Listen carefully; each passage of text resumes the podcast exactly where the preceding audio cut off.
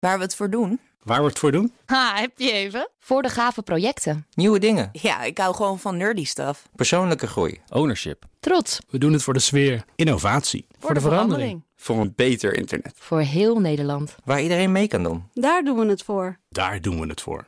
Waar doe jij het voor?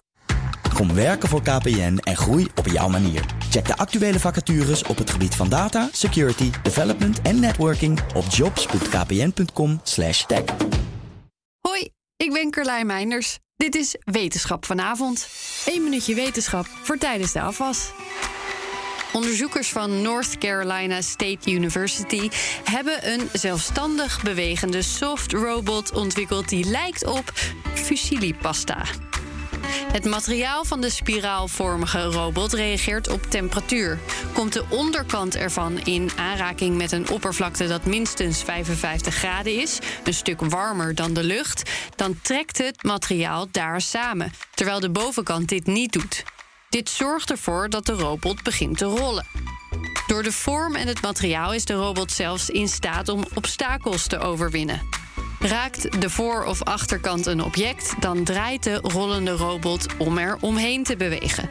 Raakt het midden van de robot een object, dan komt er energie vrij uit het materiaal waardoor het een klein sprongetje maakt. Zo komt het sliertje fusilipasta zelfs een doolhof door. De onderzoekers hopen dat hun creatie de basis kan vormen voor robots die zelfstandig kunnen bewegen over moeilijke en hete ondergrond en die geen stroom of software nodig hebben. Is één minuutje wetenschap niet genoeg en wil je elke dag een wetenschapsnieuwtje? Abonneer je dan op Wetenschap vandaag.